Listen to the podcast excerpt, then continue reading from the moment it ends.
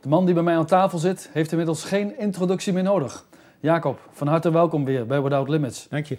Vorige week hebben we de feesten des Heren behandeld, de profetische feesten. Daar hebben we een inleiding gegeven. Ja. En eh, deze week gaan we daarmee verder. Het belooft weer heel boeiend te worden. Fijn dat je er bent. Blijft u kijken, want het wordt weer een hele interessante studie. Dit is Without Limits. Jacob, ik geef jou gelijk het woord om geen tijd te verliezen, want er is veel te vertellen over de profetische feesten. Nou, Gods tijd zijn in zijn hand. Dus eh, wij hebben alle tijd. Want God gaat zelfs ook een, van feest tot feest. En uiteindelijk in de eeuwigheid dat we het grote feest des Heren vieren. Amen, Dus daar gaan wij wat op. dat betreft eh, Daar verheugen wij ons op. hebben wij de tijd. En dat we, Ja. wat we de vorige keer gezien hebben, dat we leer ons zo mijn dagen tellen, opdat ik een wijs hart bekomen. Psalm 90. Hè? Ja, amen. Die vaak in de oudejaarspsalm wordt gelezen. Maar betekent al dat we de tijden die in Gods hand zijn, gekregen hebben om dag 1 richting de Shabbat, dag 2 richting de Shabbat. En dat we juist ook als christen vanuit de rust die God ons wil geven, mogen werken. Nou, we willen vandaag eh, verder gaan met eh, die hoogtijdagen, ook wel de feesten van God. En als eerste het centrale feest ook bij ons als christenen, Pasen. En dan willen we eerst kijken hoe God het heeft ingesteld, wat ook Israël door de eeuwen heen gevierd heeft. En dan vervolgens kijken hoe Jezus dat voor ons heeft ingevuld, maar uiteraard met een uitzicht op wat nog komt. Ja. Want dat missen we wel eens. We denken wel eens, ach, Jezus heeft het voor ons eh, gedaan. En nou ja, eh, we eh, rusten op onze lauren. En nou ja, wat is er nog als uitzicht? Maar juist in deze uitzending willen we laten zien dat alles wat Jezus doet en wat God doet in zijn feesten is wat we nu vieren. En dat is een gedenken van het eh, verleden. Want we zijn verbonden met het verleden vanuit de traditie. Maar we hebben een uitzicht op de toekomst. Dus de tijden van verleden, heden en toekomst zijn in Gods hand. En vandaar ook profetische Ja. feesten. Amen. Maar profetisch is dus niet alleen voor de toekomst, het heeft effect op het heden. En dat is het mooie, dat heden wanneer gij Gods stem hoort, verhard uw harten niet. Met andere woorden, het is ook een oproeping om er iets mee te doen. Om daar vanuit te leven. Nou ja, dan gaan we natuurlijk direct kijken naar het begin. Hè? Begin van de hoogtijdagen van God. De eerste feesten die aan het begin van het jaar gegeven worden, zijn Pasen, Pesach. En als we dan ook lezen die tekst uit eh, hoe God het heeft ingesteld in Exodus 6, Exodus 6, vers 5 en 6, dan zien we direct al een hele mooie compositie, een mooie opbouw, hoe God het feest heeft bedoeld. Zullen we die tekst aan het begin lezen? Daar staat: Zeg de halve tot de Israëlieten: Ik ben de Heere. Ik zal u onder de dwangarbeid der Egyptenaren uitleiden, u redden van hun slavernij en u verlossen door een uitgestrekte arm en onder zware gerichten. Ik zal mij u tot een volk aannemen en ik zal u tot een God zijn, opdat gij weet dat ik, de Heere, uw God, het ben die u onder de dwangarbeid der Egyptenaren uitleidt. Amen. Prachtig. En iedere keer het beeld van het evangelie vanuit de duisternis van de slavernij in het beloofde land van het licht. Dus iedere keer weer dat God ons wil uitleiden. Dus de eerste was ook, en dat zien we dan ook gesymboliseerd in Israël, wanneer ze die vier bekers van de zedermaaltijd van Pesach vieren, dat er een de eerste beker van de uitleiding is. Het volk is uitgeleid uit Egypte, maar als we die lijn direct even doortrekken, juist ook naar ons als christenen, als we weten dat we verlost zijn, dan zit er vaak so- soms nog zoveel vanuit de wereld in onze gedachten. Dat was ook met Israël. Toen ze uit Egypte waren uitgeleid, dan waren zij wel uit Egypte, maar Egypte was nog niet uit hen. Ja. Dus vandaar dat God niet alleen uitleiden bezig is, maar hij is ook bevrijdend. Hij gaat hen ook van al die ballast bevrijden.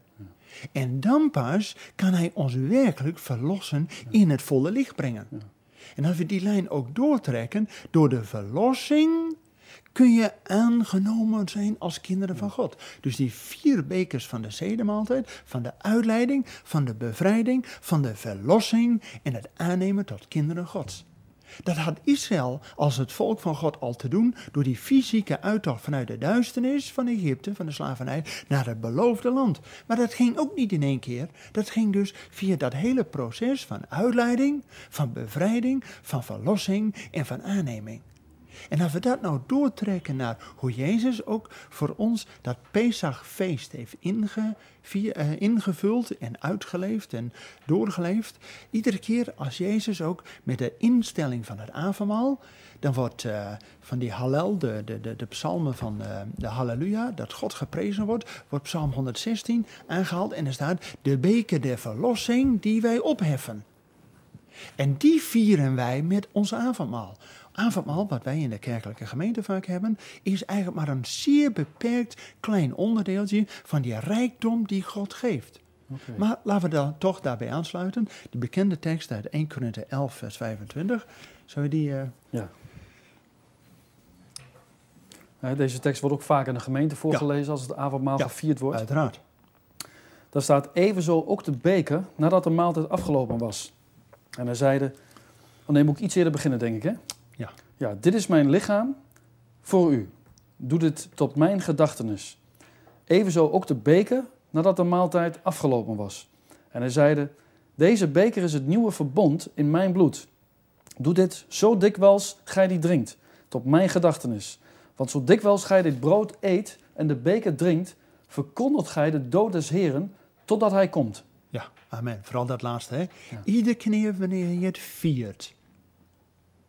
Betekent wanneer jij het avondmaal viert in de gemeente, dan gedenk je de dood des Heren. Want ik bedoel, dat is het fundament voor ons als christenen. Dat Pasen, dat Jezus voor ons gestorven en opgestaan is, het fundament voor ons als christenen. Dus iedere keer wanneer we het avondmaal vieren, gedenken wij de dood des Heren. Maar dat is niet alleen maar een terug van, oh, wat moeilijk allemaal. Maar totdat hij komt. En totdat hij komt is een vreugdevol gebeuren. Maar het betekent dat hij niet alleen door die doden is heen gegaan, hij is opgestaan, hij is naar de hemel gegaan. Hij heeft ons de andere troost, de Heilige Geest gegeven, die bij ons is en in ons zal zijn. En dat we het volhouden tot die grote dag, totdat hij komt. Met andere woorden, ook al is het wel eens moeilijk in, ons, in het leven en wordt het wel eens lastig als christenen in, in dit leven, maar weet, als we het vieren, gedenken wij de doden heren, maar totdat hij komt. Want uiteindelijk, wie het laatst lag, het beste. Dus iedere keer als wij de feesten vieren, is het ja, dat we een toekomst hebben. Nou, dan denk ik van ja, Gods feesten, Gods tijden zijn in zijn hand. Betekent dat wij al vanuit die rust, dat Jezus het volbrachte werk gedaan heeft, dat we uitzicht hebben dat hij weer komt. En dus ook alles wat nu gebeurt, is een tijd de wederoprichting van alle dingen. Blijkbaar is er nog dat er herstel nodig is van uitleiding van mensen, van bevrijding van zonden, van verlossing van al die slavernij. En dat we werkelijk aangenomen zijn tot kinderen van God. Zodat we het zeker weten dat we door het verloste werk van de Heer bij de Heer zijn. Dat, dat zijn kinderen die vier bekers. In die vier bekers komt dat al helemaal als een proces naar voren. En dat betekent ook dat wij als christen, als we één keer tot geloof zijn gekomen, moeten we daarna vaak nog een hoop puin opruimen. Dat Gods geest laat ons dingen zien van, oh, dat moet nog opgeruimd worden. Met andere woorden, ga het niet wegstoppen in de schuilhoeken van je hart. Nee, Gods geest is ook een gentleman die aan je hart blijft kloppen en dingen naar boven brengt, zodat je dat in het licht kunt brengen en weg kunt doen, zodat het volle licht van Gods geest nog meer in ons hart kan schijnen. Dat zie je ook in de schepping, hè? Ja. Toen het licht daar was, toen werden de dingen gescheiden. Ja. En zoals het licht in ons komt wonen, moeten ook eerst de dingen gescheiden worden. Ja, alleen wij houden niet van discrimineren. dat is niet populair tegenwoordig. Maar weet je dat God wel discrimineert? Hij maakt onderscheid tussen dag en nacht. Tussen licht en duister. Ja. En de duisternis, de werken van de duisternis moeten we niet doen, maar breng ons in het licht. Vandaar dat Pasen dat keerpunt is, dat we vanuit de duisternis in het licht zijn overgebracht. Nou, dat is evangelie. Bijzonder, hè? Maar we willen ook nog één stap daarin dieper gaan. Want ook die voorjaarsfeesten die beginnen met het begin der maanden, zegt God al tegen Mozes in Exodus 12. Dan begint die eerste dag van dat begin der maanden, de eerste van de maand Nisan, waarin het voorjaar begint. Dan zijn er tien dagen en op die tiende dag wordt het paaslam uitgekozen. En dat kennen we natuurlijk ook met Palmpasen, dat vier dagen voor Pasen was het Palmzondag, Palmpasen wat we dat noemen, werd Jezus ook als een lam uitgekozen. En er waren ook weer vier eisen aan dat paaslam. Die moest eenjarig, volwassen, mannelijk en gaaf zijn. Want als we de Heer een offer willen geven, moet het niet een tweedehands offer zijn. Nee, vereer de Heer met de eerstelingen van wat je hebt. Dus het is een feest der eerstelingen. Maar ook je tienden. Dat je het eerste wat God geeft, de eerste tienden, 10% zijn voor de Heer. Betekent ook dat Jezus werd, net als dat paaslam in Israël, werd vier keer gekeurd. Op die vier dagen van de tiende, de elfde, twaalfde en de dertiende. Zodat hij op de veertiende Nissan, precies wanneer 14 is de helft van 28, is de helft van een maan maand. Ja. Precies op het centrum wanneer de volle maan is. En dat is voor Israël altijd het teken, want zon en maan was voor ons gegeven tot vaste tijden. Nou, de zon gaat iedere dag op en onder. Dus daar zien we de dag- en nachtritme. Ja. Maar we zien ook dat de maan gegeven is als vaste tijden. Nou, begin van de maand is nog ja, nieuwe maan. Maar de volle maan, precies de veertiende, betekent dat voor iedereen, ook al had men in het uh, vroegere Israël, het Midden-Oosten, waar dan ook ter wereld, geen horloge, maar je kon aan de maan zien hoe laat het was. Oftewel, tijd voor het feest. Ja, inderdaad. Dus precies op die veertiende, dat de volle maan is, is ook het offer van onze Heer. En die werd vier keer gekeurd. Door Annas, door, Anna, eh, door Caiaphas, door Herodes en door Pilatus. Al die vier gingen hem testen. En ze konden geen zonde in hem vinden. Dus je ziet dat Jezus ook het perfecte paaslam was, die voor onze zonde kon sterven. Zoals in Israël dat paaslam vier dagen lang gekeurd werd, maar het moest een gaaf, volwassen, mannelijk, eenjarig lam zijn. Nou, zo zou Jezus in die zin getest. Maar hij kwam goed door de test. Daarom werd hij door God ja, goed bevonden om tot af, offer te zijn. En dan op de 14e Nisan, precies ten tijde van het avondoffer, dat hebben we de vorige keer al gezien, hè, het tijd van herstel, zegt Jezus, nu is de shalom, de rust die God wil geven, dat de, ja, de, de relatie met de Almachtige hersteld is door de herstellingsoffer van Jezus. Het zit zo perfect in elkaar allemaal. En dan direct aansluitend. Direct wanneer Jezus zegt, het is volbracht. Nou, dan kunnen wij vanuit de overwinning leven. Dan gaat ook het feest der ongezuurde broden. Weer een feest. Onder, ja, want vanaf de 15e begint het feest der ongezuurde broden. En dat duurt zeven dagen. Zeven als een tijd van volkomenheid. Zeven dagen. En betekent dat je vanuit de ongezuurdheid, dus dat er juist ook als wij als christen door het geloof in Jezus, die het volbrachte werk gedaan heeft, dat wij ook zonder zonde ongezuurd mogen leven. Dat is de betekenis van dat feest? En uiteraard dat we eerst zelf gevoed worden met het brood wat ongezuurd is. Wat uit de hemel komt. als een manna, wat toen natuurlijk in de tijd met Mozes ook uit de hemel is gekomen. En dat is brood voor elke dag. Ja. Sterker nog, zes dagen was het werken. Moest Israël ook dat manna inzamelen. En wie veel had, had niet te veel. En wie weinig had verzameld, kwam niet tekort. God voorziet in wat je nodig heeft. Maar de zesde dag ging God een dubbele zegen geven. Zodat je die, die Shabbat ook niet hoefde te venten en te, te oosten. Nee, want er was genoeg. dat was al voldoende. Maar dat betekent, zo Israël door de woestijn voorzien werd door God het brood uit de hemel, het manna. Betekent trouwens in de Hebreeuws, wat is dit? Want men wist ook niet wat het was. Het was een hemels brood. En zo zou Jezus in het Nieuwe Testament het ongezuurde brood, wat uit de hemel ons wil voeden, zodat we het volhouden.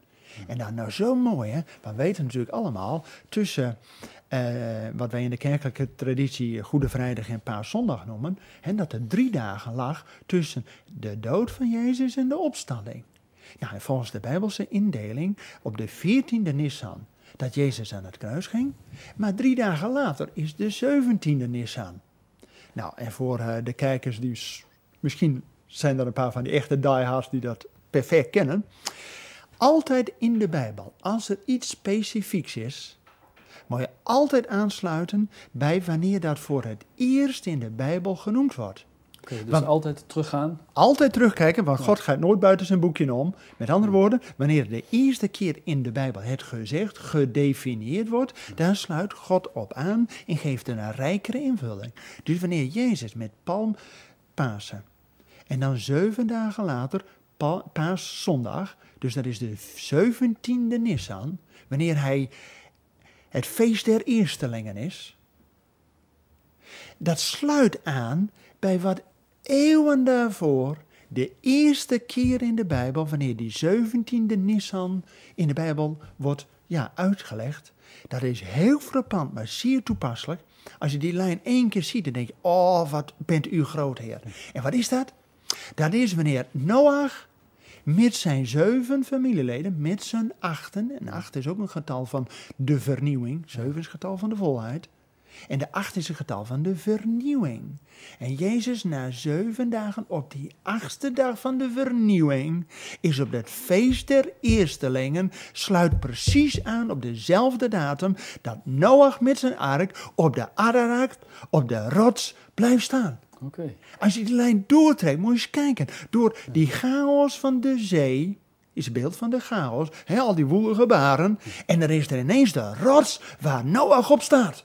Ja, prachtig. En dat is precies Jezus, die onze rots is, die op dat feest der eerstelingen, op die 17e Nissan, staat daar als een rots. En wie zijn geloof bouwt op de rots, zal niet beschouwd uitkomen. Denk je, nou, heer, wat bent u groot. Nou, Als je die lijn doortrekt, vanuit het Oude Testament naar het Nieuwe Testament.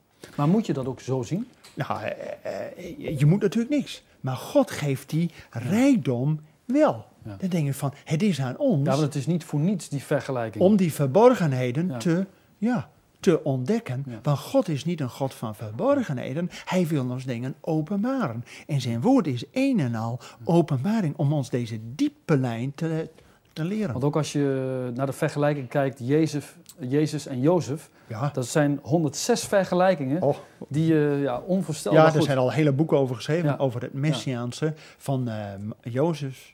Is natuurlijk de zoon van de vader, de geliefde zoon. En Jezus is ook de geliefde zoon van de vader. Jozef moest door de puree heen, Ja. door de diepte van de gevangenissen van Egypte. En dat was geen pretje.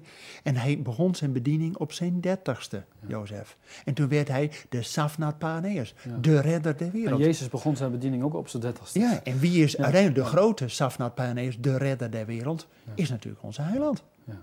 Maar als we die lijn nou doortrekken van Pasen, dan is de eerste keer natuurlijk in de Bijbel, wanneer Pasen gedefinieerd wordt, gedaan wordt, wanneer Israël onder Mozes uittocht heeft. Dat is de bevrijding. Uitleiding, bevrijden, verlossen. Maar de tweede keer, wanneer in de Bijbel het over Pesach gaat, is bij de oprichting van de tabernakel. Die tent van God, dat God wil, wonen, wil komen wonen en bij zijn volk. Dat hij met zijn volk meegaat. Nou, dat is gewoon Pasen. Natuurlijk ook de lijn dat Jezus, onze Heer en Heiland, die wil steeds vanuit het volbrachte werk, steeds met ons meegaan. Hij laat ons niet als wezen achter, hij gaat met ons mee. De Immanuel die met ons meegaat. En als je dan leest dat Israël na die 40 jaar in de woestijn, dan zijn ze één keer in het beloofde land. Met Josia, die nieuwe leider. Yeshua is Josia, de nieuwe leider. Ook allemaal parallel tot onze Heer en Heiland. Maar dan wordt eerst weer Gilgal gevierd. Besnijdenis. En Gilgal is dezelfde naam als Golgotha. En Gilgal, dat is ook een feest? Of, eh, Nou, dat is het feest van de besnijdenis. Dat je dus het oude achter je laat en het beloofde land ingaat. Nou, wij ook als christen, als we uit de wereld, uit de duisternis van de wereld, in het beloofde rijk van Gods koninkrijk zijn, dat we eerst in die zin het oude weg doen. ja. Nou, en in dus het Nieuwe het- Testament lezen we dat ook weer. Hè? Zie, het oude is voorbij gegaan, het nieuwe leven is gekomen. Amen. En als je dan de lijn doortrekt, iedere keer als Israël het soms moeilijk had, en dacht van, oh, waar zijn we bezig? Nou ja, soms gingen ze zelfs de helemaal de verkeerde kant op. Ze gingen zelfs afgoden dienen. Ja. En dan lezen we twee keer in Gods woord met koning Hiskia en met koning Josia waren twee koningen die eruit sprongen en die dat volk weer terugbrachten bij de les. Weer terugbrachten bij God. En het eerste wat ze gingen denken is Pesach vieren. Met andere woorden, juist ook al als we het verbruid hebben en eh, weer eh, onze eigen wegen gaan. Iedere keer, we moeten eerst weer terug tot het kruis. Want via het kruis, daar zijn we behouden. Maar vanuit het kruis gaat het verder. Vanuit Pasen gaat het naar Pinksteren, dat we Gods geest hebben in het volle licht, zodat we volhouden tot die grote dag dat Jezus weer komt. Daar gaan we het de volgende keer over hebben. Nou, over tot, mag, ik, mag ik nog één keer Ja. iets zeggen over de laatste keer, de zevende Pesach, die in het Oude Testament genoemd wordt? Dat staat in Ezekiel, maar dat is natuurlijk profetisch. Hè? Ezekiel is een van de grote profeten ja. uit het Oude Testament. En er wordt de zevende keer over Pesach gesproken. Dat is nog toekomst. Maar er is één verschil. Er wordt Pesach gevierd, maar zonder paaslam. Nou, dat kennen we natuurlijk uit de openbaring. Dat God zal komen wonen bij ons en zijn lam als geslacht zal als de heerser, de redder der wereld regeren. Ja, maar Met dat andere- gaat nog komen. dat gaat komen, maar het betekent wij gaan Pasen ook vieren wanneer Jezus weer komt. Maar dan hebben we dat paaslam niet meer nodig. Nee. Want dat is één keer gebeurd. Ja. Met andere woorden, zodra we pa, eh, avondmaal vieren, gedenken wij de dode heren totdat hij komt. Ja. Nou, Want, dat dan is is- het, want dan is het niet meer nodig. Nee, dat is niet meer nodig. Dat in ieder geval niet meer. Dat is één keer. Dus Jezus gaat door het volbrachte werk, is Jezus al in het feest. En hier zie je wat je nu gezegd hebt. Hè? Daar zie je in dat Gods woord één is. Hè? Verleden, heden, toekomst. Ja. Het heeft allemaal met elkaar te maken. Ja, met andere woorden, Ja. als je iets van die eeuwigheidsperspectief van God gaat bekijken, dan weet je ook van jongens, we leven niet onder de omstandigheden, we worden boven de omstandigheden uitgetild en zodat we uitzicht hebben voor de toekomst. Ja. Nou, daar gaan we toch voor. Ja, zeker. Amen.